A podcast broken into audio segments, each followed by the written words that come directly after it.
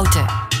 Nieuwe feiten. Dag, dit is de podcast van Nieuwe Feiten van donderdag 21 februari. In het nieuws vandaag dat leraars in Italië een bijscholingscursus exorcisme kunnen krijgen. Een intensieve stoomcursus van 40 uur op kosten van het ministerie van Onderwijs. Met als bedoeling om leerlingen die bezeten zijn van de duivel te herkennen. Om vervolgens die duivel uit te drijven. De cursus wordt gegeven op een universiteit van het Vaticaan. Ik ben benieuwd wat directeur 10 pond van de collega's daarvan zou zeggen.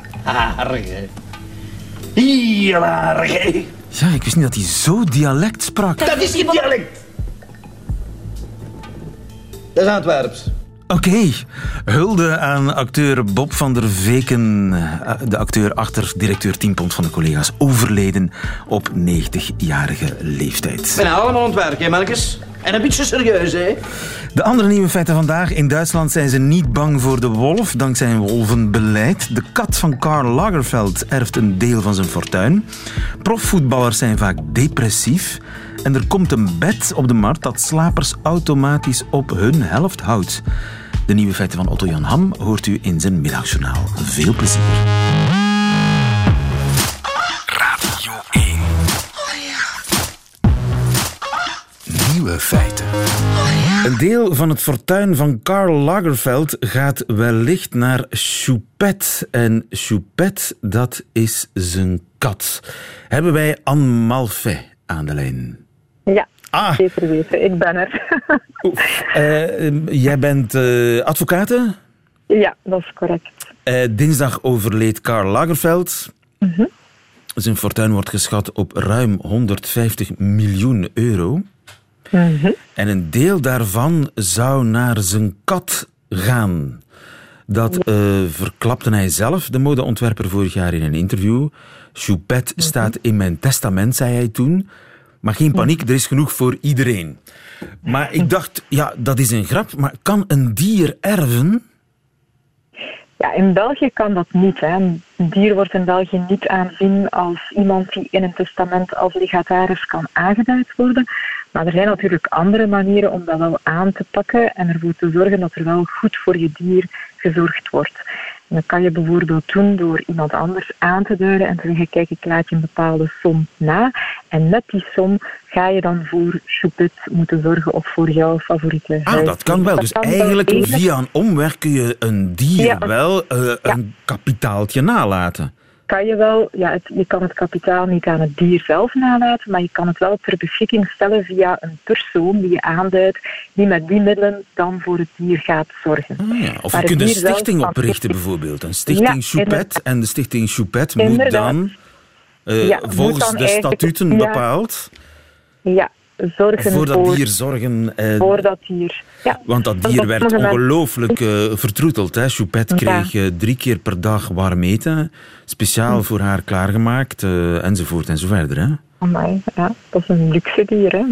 Ja, inderdaad, een luxe choupette. En eh, je zegt in België kan dat niet. Ik kan me eigenlijk niet voorstellen dat er landen zijn waarin een, een dier daadwerkelijk eigenaar kan worden. Nee, maar je hebt misschien een tijdje geleden wel gelezen dat België voor het eerst een professor krijgt die ook zich gaat inzetten voor de dierenrechten en het dier. Dus eh, voorlopig kan dat in België nog niet. Hè. Een dier eh, heeft geen rechten zoals mensen dat wel hebben. Maar het is dus perfect mogelijk om in je testament wel te laten zorgen voor je dier. En dat is ook wat sommige mensen doen. Hè. Eh, geld nalaten voor goede doelen die zich inzetten voor, voor specifiek dieren. Of een private stichting zelf oprichten. Dat is dan je eigen goed doel dat zich dan in, zal inzetten voor dieren die jij kiest. Dus dat. En eh, heeft u daar weet van? Heeft u dat ooit voor iemand moeten regelen? Dat Ja, gebeurt. er dat... hebben wel eh, private stichtingen van mensen opgericht. eh, waar dat dan eh, goede doelen die zich specifiek inzetten voor dierenwelzijn werden in opgenomen. Dus dat komt zeker wel voor. Ik heb nu nog niet concreet mensen gehad die voor één specifiek huisdier wilden laten zorgen, maar ik heb wel al mensen gehad die, ja, die wilden zorgen dat hun eh, paarden en dergelijke meer dat die Ja. goed, goed verzorgd worden. Dus dat komt wel, dat komt wel vaker voor. Ja, want een dier kan niks kopen, kan geen bankrekening openen, kan geen erfbelasting betalen. Nee. Dus uh, het dier zelf en eigen... zelf zorgen dat wat er van overblijft uh, goed terechtkomt. Een dier kan zelf geen testament opmaken en dergelijke meer. Ja. Dus ja, ja, want wie erft dan weer van het dier? Wat gebeurt er dan als het dier sterft? Dat, uh, dat moet Ja. natuurlijk ook allemaal geregeld worden. Ja, Maar via een omweg zal wellicht Choupet een deel van de 150 Ja. miljoen van Karl Ja. Lagerfeld erven, tussen aanhalingstekens. Ja, waarschijnlijk zal Karel wel zijn eigen private stichting opgericht hebben, waarmee dat dan inderdaad voor Choupet gezorgd zal worden en daarna voor diegenen die voor Karel eh, belangrijk waren. Hè. Dat zal wel eh, Helemaal duidelijk. Dankjewel, Anne Malfijn. Goedemiddag. graag gedaan. Choupet, het gelukkigste diertje ter wereld. Hoewel ze natuurlijk rouwt om haar baasje. Rauwe katten? Ik twijfel. Radio 1.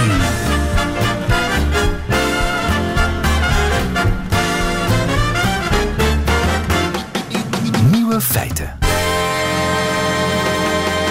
Ik heb goed nieuws voor mensen die slecht slapen, slecht samen slapen bedoel ik. Autobouwer Ford komt met een bed dat uw huwelijk en uw nachtrust zou kunnen redden.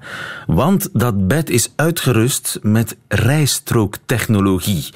Als nachts uw bedgenoot slapend op uw helft komt gerold, dan duwt dat bed zelf zachtjes de ongewenste indringer terug. Automatisch, zonder dat u iets moet doen. U merkt het zelfs niet eens en slaapt rustig verder. Een techniek die geleend is van auto's die in hun rijstrook blijven rijden, ook al dreigt de bestuurder in slaap te sukkelen. Vandaar het plannetje van autobouwer Ford om die techniek ook in een bed uh, toe te passen. Helaas, het is nog maar een prototype. De vraag is, wat doen we intussen? Rika Ponet. Goedemiddag. Relatiedeskundige. Komt dat vaker voor goede koppels die slecht samen kunnen slapen? Uiteraard. En um, dat heeft te maken met het feit dat uh, hoe we slapen, dat dat ook iets heel individueels is. En um, ja, dat het ene niet noodzakelijk iets te maken heeft met het andere. Iemand met een uh, wat moeilijker verlopende nachtrust, veel woelen, uh, voetballen in de slaap, uh, snurken. Ja. Mensen die zich ook verticaal gaan leggen, helemaal 90 graden gaan liggen. Gewoon dwars over het bed, dat bestaat, hè? Het dat komt voor, allemaal. er is literatuur over. Ja, slaapwandelen, vaak s'nachts op moeten, ja. vaak plassen, um, waardoor de andere ook telkens wakker is. Um, en, ja, het dat, is vooral de ander die er last van heeft. Uiteraard degene die dan wel goed slaapt en telkens gewekt wordt, um, ja, dat uiteraard vermindert dat uw slaapkwaliteit. Uh, zo blijkt uit onderzoek uh, dat um, wie apart slaapt ongeveer een dikke drie uur extra slaap heeft dan uh, mensen die Hoeveel samen extra? slapen. Drie uur per week ongeveer. Ah, oké. Okay. Ja. Drie uur per week extra ja. slaap als je in je eigen bedje gaat liggen. In een aparte kamer, hè? Ja, ja. maar daar raak je natuurlijk wel aan relatietaboe nummer één, hè? Uh, het is er zeker één. Het is een beetje uh, een versleten uh, uitdrukking. Het, het, relatietaboe bestaat dat nog. Maar dit is er zeker één, omdat dat wat samenhangt. Het heeft een symbolische waarde. Hè. Denk maar aan de uitdrukking scheiden van tafel en bed. Ja. Eigenlijk zetten we dat heel centraal. En het samen delen van het samen eten en het samen slapen. Het is bijna een metafoor voor um, ja, wat intieme relaties zijn. Ja, ja. En, um, en dus als je het echtelijke bed verlaat, omdat je niet meer slapen kunt. Mm -hmm. Gewoon heel praktisch. Het is alsof je niet meer samen wil eten ook. Hè? Ja. Dat is een beetje een afwijzing. Of dat, voelt, dat kan aanvoelen als een afwijzing. Of naar buiten toe geeft dat dan zo'n beeld van, weet je, uh, daar marcheren toch niet zo heel goed meer. Omdat het oude beeld ook nog altijd bestaat. Um, vorige generaties, seksualiteit, dat was een, uh, iets wat in bed gebeurde. Hè? En, um, en alleen in bed. En alleen in bed. Dus um, ja, als je dan niet meer samen slaapt, dan wil dat eigenlijk ook zeggen dat er uh, ook niets meer gebeurt op dat vlak. Dus dat zegt wel iets dan over de kwaliteit van de relatie. Of tussen... En dat is dan relatietaboe nummer twee. Dat is relatietaboe nummer twee. Um, en, maar dat is aan het wijzigen. Hè. We zien uh, bij jonge mensen uh, dat um, ja, seks absoluut niet meer um, direct verbonden is met de bedstee. En dat dat ook op andere plaatsen gebeurt. En uh, inderdaad, bij oudere koppels, als zij apart gaan slapen, waar we het nog het vaakst zien, het daar heel snel of heel vaak ook mee samenhangt. Hè. Het feit ja. dat er op dat vlak geen grote behoeftes meer zijn of geen behoeftes meer zijn. Dat Ja, een relatie wat op zich ook geen probleem Absoluut. hoeft te zijn. Ja, hè? je kan een hele goede relatie hebben, allebei daar best tevreden in zijn en toch geen eh, seksleven meer hebben. Ja. Maar eh, mensen zwijgen daarover. Er zijn waarschijnlijk mensen die apart slapen, die dat stilhouden. Eh, Die zeker. zich daarover schamen. Ehm, ik denk dat die openheid daar rond al maar groter wordt, omdat we dat slapen ook al maar belangrijker zijn gaan vinden. hè. We leven ook allemaal ehm, op heel individuele manieren. En wat bedoel ik daarmee? Ehm, naarmate de eh, economische flexibiliteit toegenomen is, en we hebben vaak heel eh, verschillende agenda's binnen hetzelfde huisgezin, zie je ook dat ook die, ja, dat die nachtrust als iets zeer individueels wordt bekeken. Ehm, ja, als de ene eh, nachtwerk heeft of avondwerk heeft of s'avonds activiteiten heeft en de andere moet de ochtend daarna er heel vroeg uit, ehm, heeft die nachtrust echt nodig om tijdens de dag dan ook optimaal te presteren. Ehm, dat zo vanuit dat management denken eigenlijk ook naar slapen wordt gekeken. Ja. En men dan bijgevolg ook makkelijker tot de beslissing komt, eh, weet je, ehm, vannacht eh, zal je heel, een heel stuk later zijn en ik moet er vroeg uit, ik ga apart Ja. liggen. Ja. Dus de schaamte, het taboe, het is aan het verminderen, maar toch zijn er denk ik veel mensen bang om de stap te zetten. Bang Ja, dat dat hun huwelijk zal te terecht- gronden richten. Terecht ook, denk ik. En het blijft uiteindelijk... ehm, weet je, ik snap dat zeer goed. Ik merk dat ook wel vaak, dat eh, mensen het daarover hebben. En ik denk dat dat totaal geen probleem is als dat zo af en toe is gebeurd. En zeker in de fase met kleine kinderen hoor je dat wel vaker. Eh, ik ga eh, eens apart slapen om een goede nachtrust te hebben en de andere staat dan op s'nachts voor het kind. Daar ontstaat dat vaak. Hè. Op dat moment zie je dat dat zijn intrede doet. Of kinderen die dan in het echtelijk bed komen liggen en zo. En de andere die dan toch wel een stuk weg Maar je zegt, die angst is terecht. Maar het is ook terecht, omdat het eigenlijk toch vaak de laatste plaats is. ehm, een beetje een rustige haven in onze relatie. Op alle andere plaatsen zijn er vandaag altijd afleidingen. Is er altijd ook ehm, vaak verbinding met anderen hè, via alle sociale media vandaag. Ehm, je ziet dat voor nogal wat mensen de slaapkamer eigenlijk een plaats is waar dan bijvoorbeeld in heel veel gevallen tv, computer nog buiten gehouden wordt. Waardoor dat, dat zo'n plek is ehm, waar je nog eens helemaal alleen bent met z'n tweeën. En ook vaak meer dingen doet dan alleen maar slapen. Ehm, in, eh, ja, als het donker is en je ligt naast elkaar, eh, soms eh, komen daar ook ehm, bijzondere gesprekken tot stand. Dingen die op andere momenten moeilijk gezegd of gedeeld kunnen worden. Er zijn ook vormen van affectie die niets met seksualiteit direct te maken hebben. hè. Het gaat ook over intimiteit, over knuffelen, de nabijheid van de andere. Lepeltje liggen. Lepeltje, lepeltje liggen, aanrakingen. ehm, ook, ehm, allee, ik blijf er toch ook wel wat voor pleiten. Het gaat ook over vormen van verdraagzaamheid die je daar eigenlijk ook wel wat oefent. Ehm, Wat kunnen we op de duur nog hebben van de andere? Juist. Als elk geluid al een irritatie is, eh, dan vraag ik mij af, ja, hoe loopt dat dan Ja, tijdens maar de dag? ik- nu, hoor toch een beetje gemengde signalen. Aan de ene kant, ja, eh, wees, er, wees er open. eh, Ik bedoel, sluit het niet uit. Maar aan de andere kant, ja, wees er toch voorzichtig mee. Ja, om, om, eh, ik, wat, waar ik vooral wat eh, moeite mee heb, is dat dat zo inderdaad zo bijna een economisch model aan het worden is en dat we onze slaap ook daar gaan aan afmeten. eh, terwijl ja, een goede nachtrust is uiteraard belangrijk om overdag optimaal te functioneren, maar een goede relatie is dat evenzeer. En Ja. ik denk... ehm, Dus we moeten naar een tussenoplossing. ja, ehm, en nogmaals, ik snap het als dat, ehm, als dat over twee zeer diverse levens gaat en mensen moeten daar een middenweg in vinden. Maar zomaar zeggen van vandaag op morgen, weet je, Ja. ik verhuis mijn bed en eh, hier doen we het nu mee en je komt maar eens op bezoek als je seks wenst. Ehm, ja, dat vind ik een, een, een- dat zou ik absoluut een reductie vinden van eh, wat de waarde en eh, de kwaliteit is van het samenslapen. Ja, aparte bedjes in één kamer, tegen elkaar geschoven. Dat is een optie. Dat doet al één op vijf trouwens ook. Dus, Eén op vijf doet dat. zeg. ja, en dat snap ik ergens ook wel. Nogmaals, als de ene veel beweegt en de andere daar dan last van heeft. Als je het kan optimaliseren door alle mogelijkheden die er zijn. Misschien dat bed waar je daar juist over had. Wel, lijkt- lijkt mij dat weer toch wel niet erg romantisch. Ehm, er zijn trouwens wel van die dingen op de markt geweest die het dan uiteindelijk toch niet goed deden.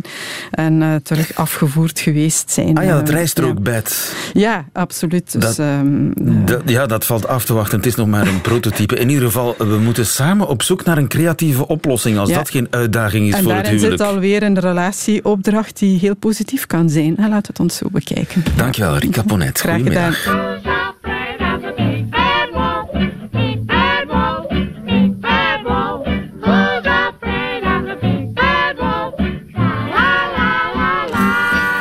Is er bang voor de grote boze wolf? Een klassieker uit het eh, Disney-repertoire. In dit geval uit de jaren 30 zelfs, denk ik al. Het antwoord in Duitsland op die vraag luidt niemand. Bert van der Krieken, goedemiddag.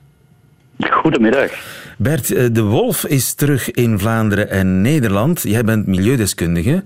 Een eh, landbouworganisatie in Nederland wil zelfs het aantal wolven beperken, want ze, ze bijten schapen dood. Jij bent in Duitsland geweest, in de gebieden waar de wolf woont. Is daar dan Correct. geen angst? Wel, eh, dat moet wel wat eh, genuanceerd worden. Ik weet eh, dat de wolf blijkbaar nogal wat negatieve emoties oproept. Hier en ook in Duitsland nog altijd. Maar het is wel zo dat er qua onderbouw heel wat gebeurt door milieuorganisaties. En er is zelfs een documentatiecentrum eh, opgericht in Duitsland dat eh, eigenlijk een beraad doet. Stellen heet dat. Eh, dat kan gecontacteerd worden als je met vragen zit. En van daaruit vertrekt nog wel heel wat informatie naar het veld toe, naar het boerenland, uh, urbaan gebied en dergelijke meer. Waarbij dat de mensen die met vragen zitten, de juiste antwoorden kunnen verkrijgen. En dan vanuit dat gegeven kan je ook een betere opbouw doen naar eh, natuurbescherming toe. In dit geval naar bescherming van de wolf toe. Ja. Onbekend is onbemind. Onbekend is onbemind, eh, maar in, in bepaalde gebieden in Duitsland is de wolf zeer bekend en dus ook een beetje bemind. Zijn er daar meer wolven in bepaalde gebieden? Want bij ons is het nog altijd iets heel uitzonderlijks, hè? Oh ja, ja, wij hebben hier eh, Naja en eh, Gust. Maar in Duitsland hebben ze toch een kleine 70 of 73 roedels eh, op dit ogenblik. 73 roedels zelfs. Dus Dat dan moet je maar zoveel meer. doen eh, als je het aantal wolven wil weten. Ja, dat, dat kan je niet zomaar bepalen aan de hand van een rekensommetje. Maar effectief, dat, dan gaat, dat, gaat het over meerdere wolven in, een, eh, in een familie. Effectief, ja. Ja. En dus als iemand een wolf ziet zitten in zijn voortuin, dan in Duitsland, daar breekt geen paniek uit. Oh nee, ik heb eh, mensen gesproken eh, in de Belziger Heide bijvoorbeeld. Er kwamen spontaan mensen naar, eh, naar ons toe, mijn echtgenoten en ik, we waren aan het observeren, wolven aan het observeren. En eh, die mensen kwamen rustig bij ons staan en die zeiden van ja, we zijn daar fier op eh, dat we eh, mensen kunnen aantrekken die daar komen naar kijken. Het brengt nog wat op en het draagt ook aan de bescherming bij. Ja, ja. En we stonden daar wat van te kijken. Eh, en in, verder in het eh, gesprek bleek dat ze regelmatig in de achtertuin hebben. Of dat die wolven, in het, eh, was dat, gewoon door het dorp lopen. Die hebben een bepaalde route en dagelijks leggen zij die route af. En dat was een route die door het dorp.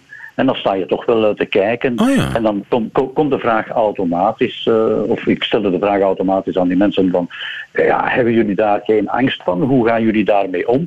Ja, het is een deel van, van eh, onze natuur, zeggen ze. We zijn dat gewoon. Ja, ja. Dat, schrikt ons, dat schrikt ons niet meer af. Het is half zeven, daar zal je de wolf hebben. En kijk, daar is hij. Nog een zo- Zo gaat het ongeveer. Nee, dat wijsbier was er niet bij, maar effectief, eh, het was toch wel belangrijk om te horen dat er anders mee omgegaan wordt. Gewoon door de informatie, de onderbouw die de informatie... ja, door het wolvenbeleid hè, eigenlijk dat er Absoluut. gevoerd is.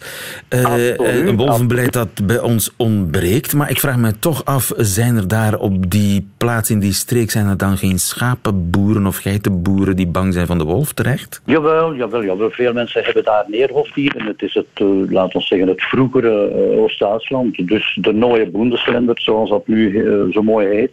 En, En die wolven bijten geen dieren dood.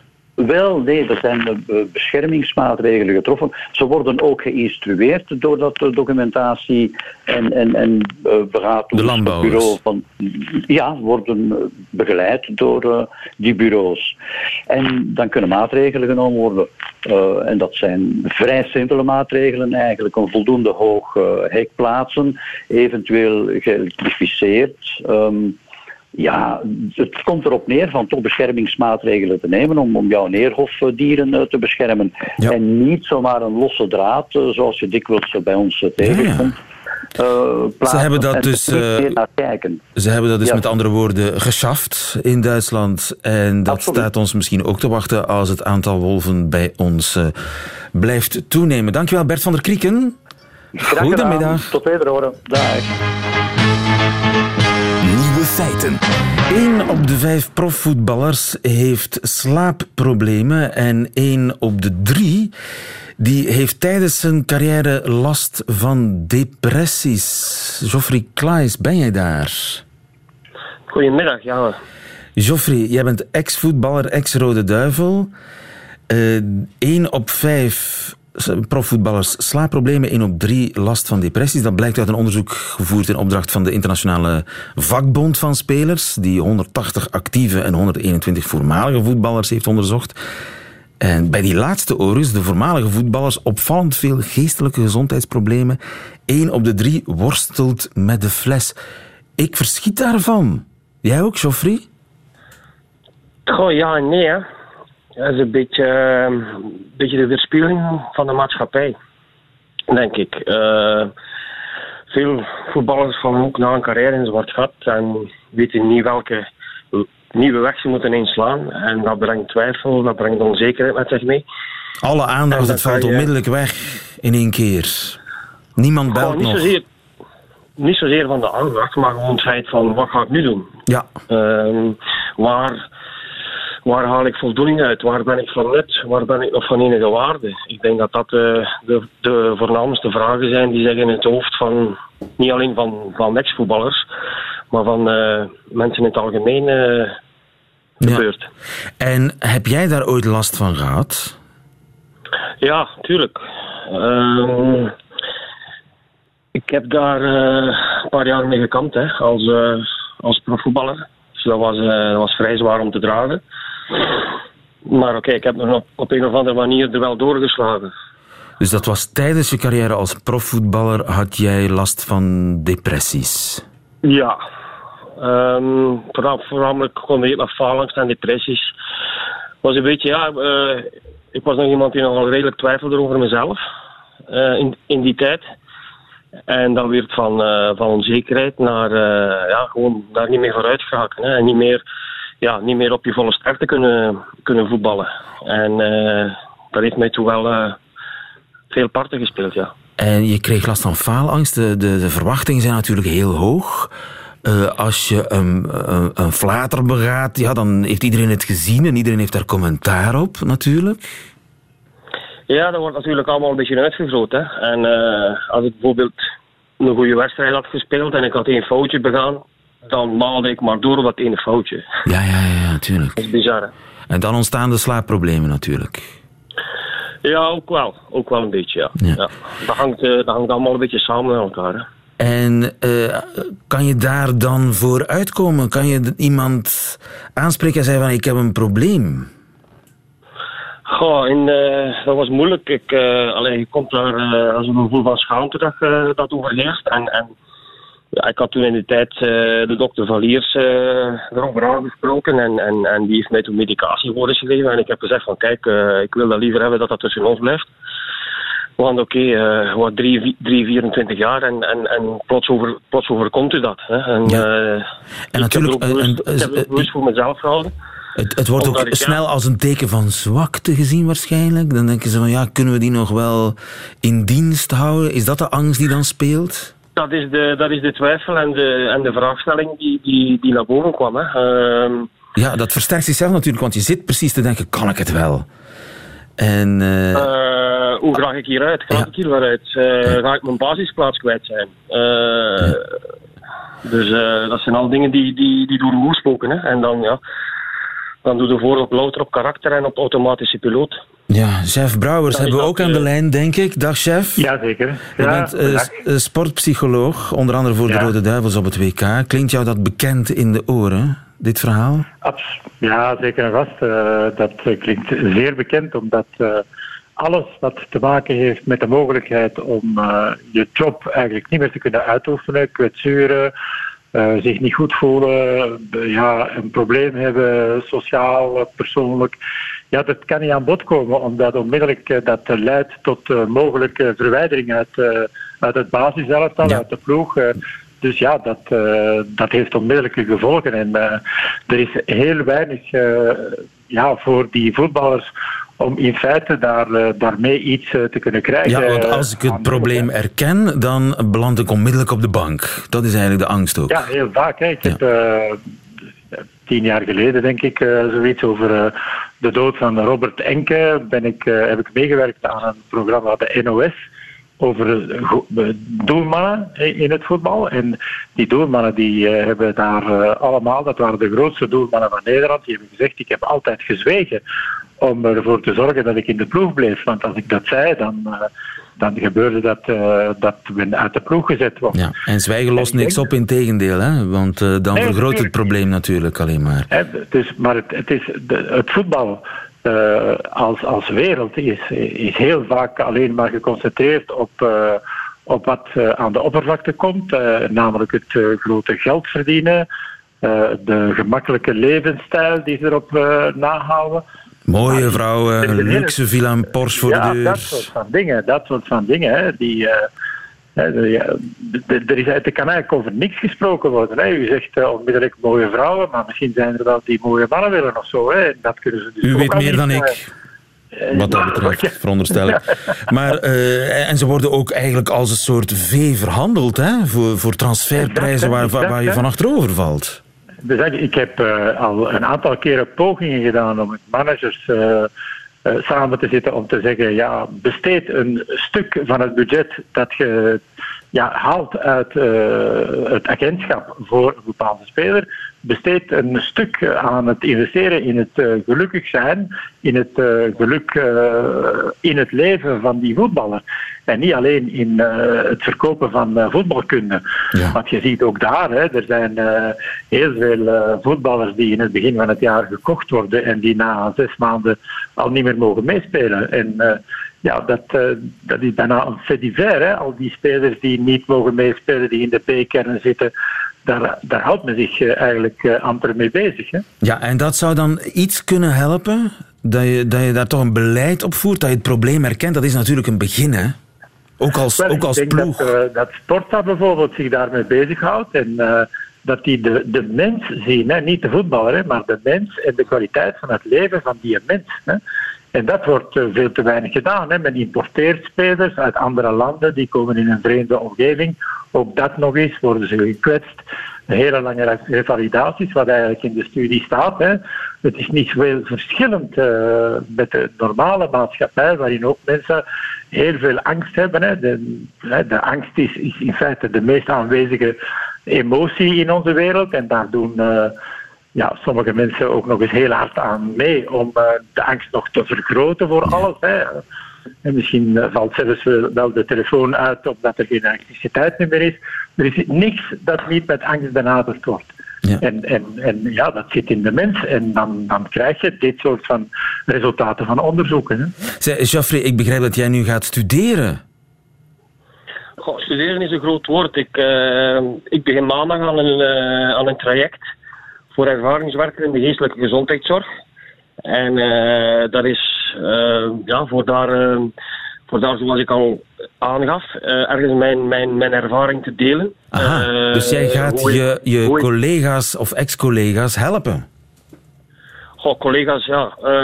Als, dat, als dat eventueel mogelijk is, ja. Maar ik zie dat breed. Hè. Bedoel, ik zie mezelf later als een ondersteunende rol in een team van, van, van psychologen bijvoorbeeld. Omdat soms is het uh, makkelijker praten tegen iemand die al die ervaring heeft dan tegen bijvoorbeeld een psychotherapeut. Iedereen is er natuurlijk vrij in. Maar uh, ik, denk, uh, ik denk dat ik daar ehm, in die sector, in die branche, toch wel van enig nut kan zijn. Uitstekend plan lijkt me dat. Geoffrey Klaes, een... veel succes ermee. Dankjewel, Dank ex-voetballer, ex-Rode Duivel en ook coach Jeff Brouwers. Hartelijk dank. Dankjewel. Goedemiddag. Goedemiddag. Nieuwe feiten. Middagjournaal. Beste luisteraar, ik bevind mij momenteel middenin een drukke theatertournee. Ook ik ben een van die tv-figuren die een uitstap naar het theater heeft gemaakt.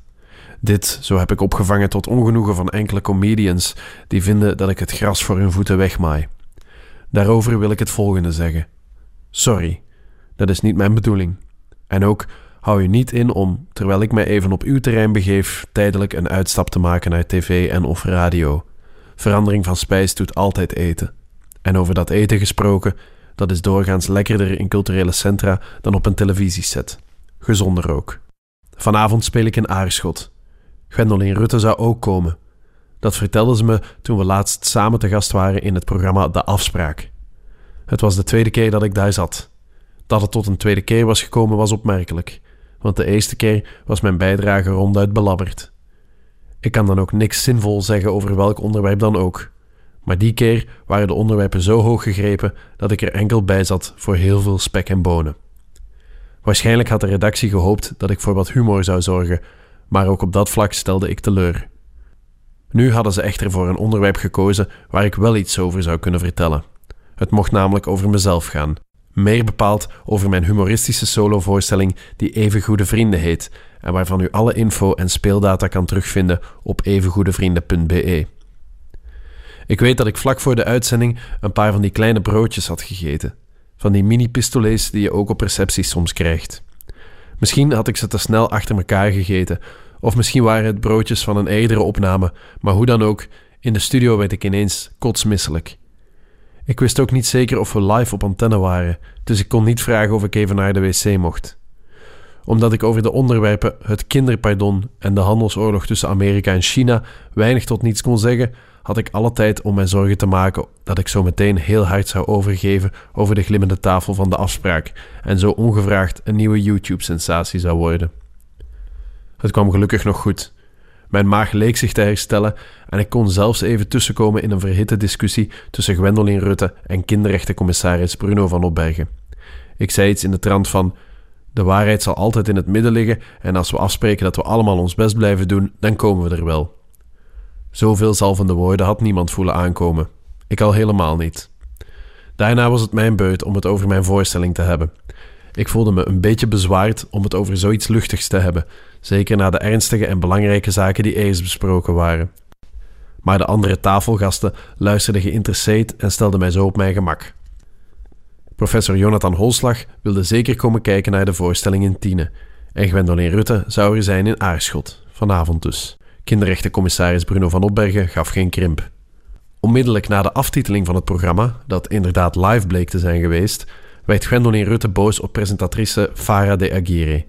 Ze was kennelijk onder valse voorwendsels naar de studio gelokt en tegen de afspraak in had ze het moeten hebben over een onderwerp dat haar niet lag. Ik besloot deze keer niet tussen beiden te komen, want ik had al eens eerder verzoenend willen optreden, dus ik keek wel uit. Als dank voor mijn aanwezigheid in de studio mocht ik kiezen tussen een paar flesjes bier of een paar flesjes limonade. Omdat ik niet drink, koos ik voor limonade, maar die was op. Jonathan Holslag had de laatste flesjes gepakt. Dus ik kreeg toch bier. Farah zei nog dat ze eens in haar agenda zou kijken wanneer ze naar mijn voorstelling zou komen. Maar ik weet niet of ze dat nog heeft gedaan. Ik had ondertussen van Gwendoline Rutte geleerd dat Farah zich niet altijd aan gemaakte afspraken houdt.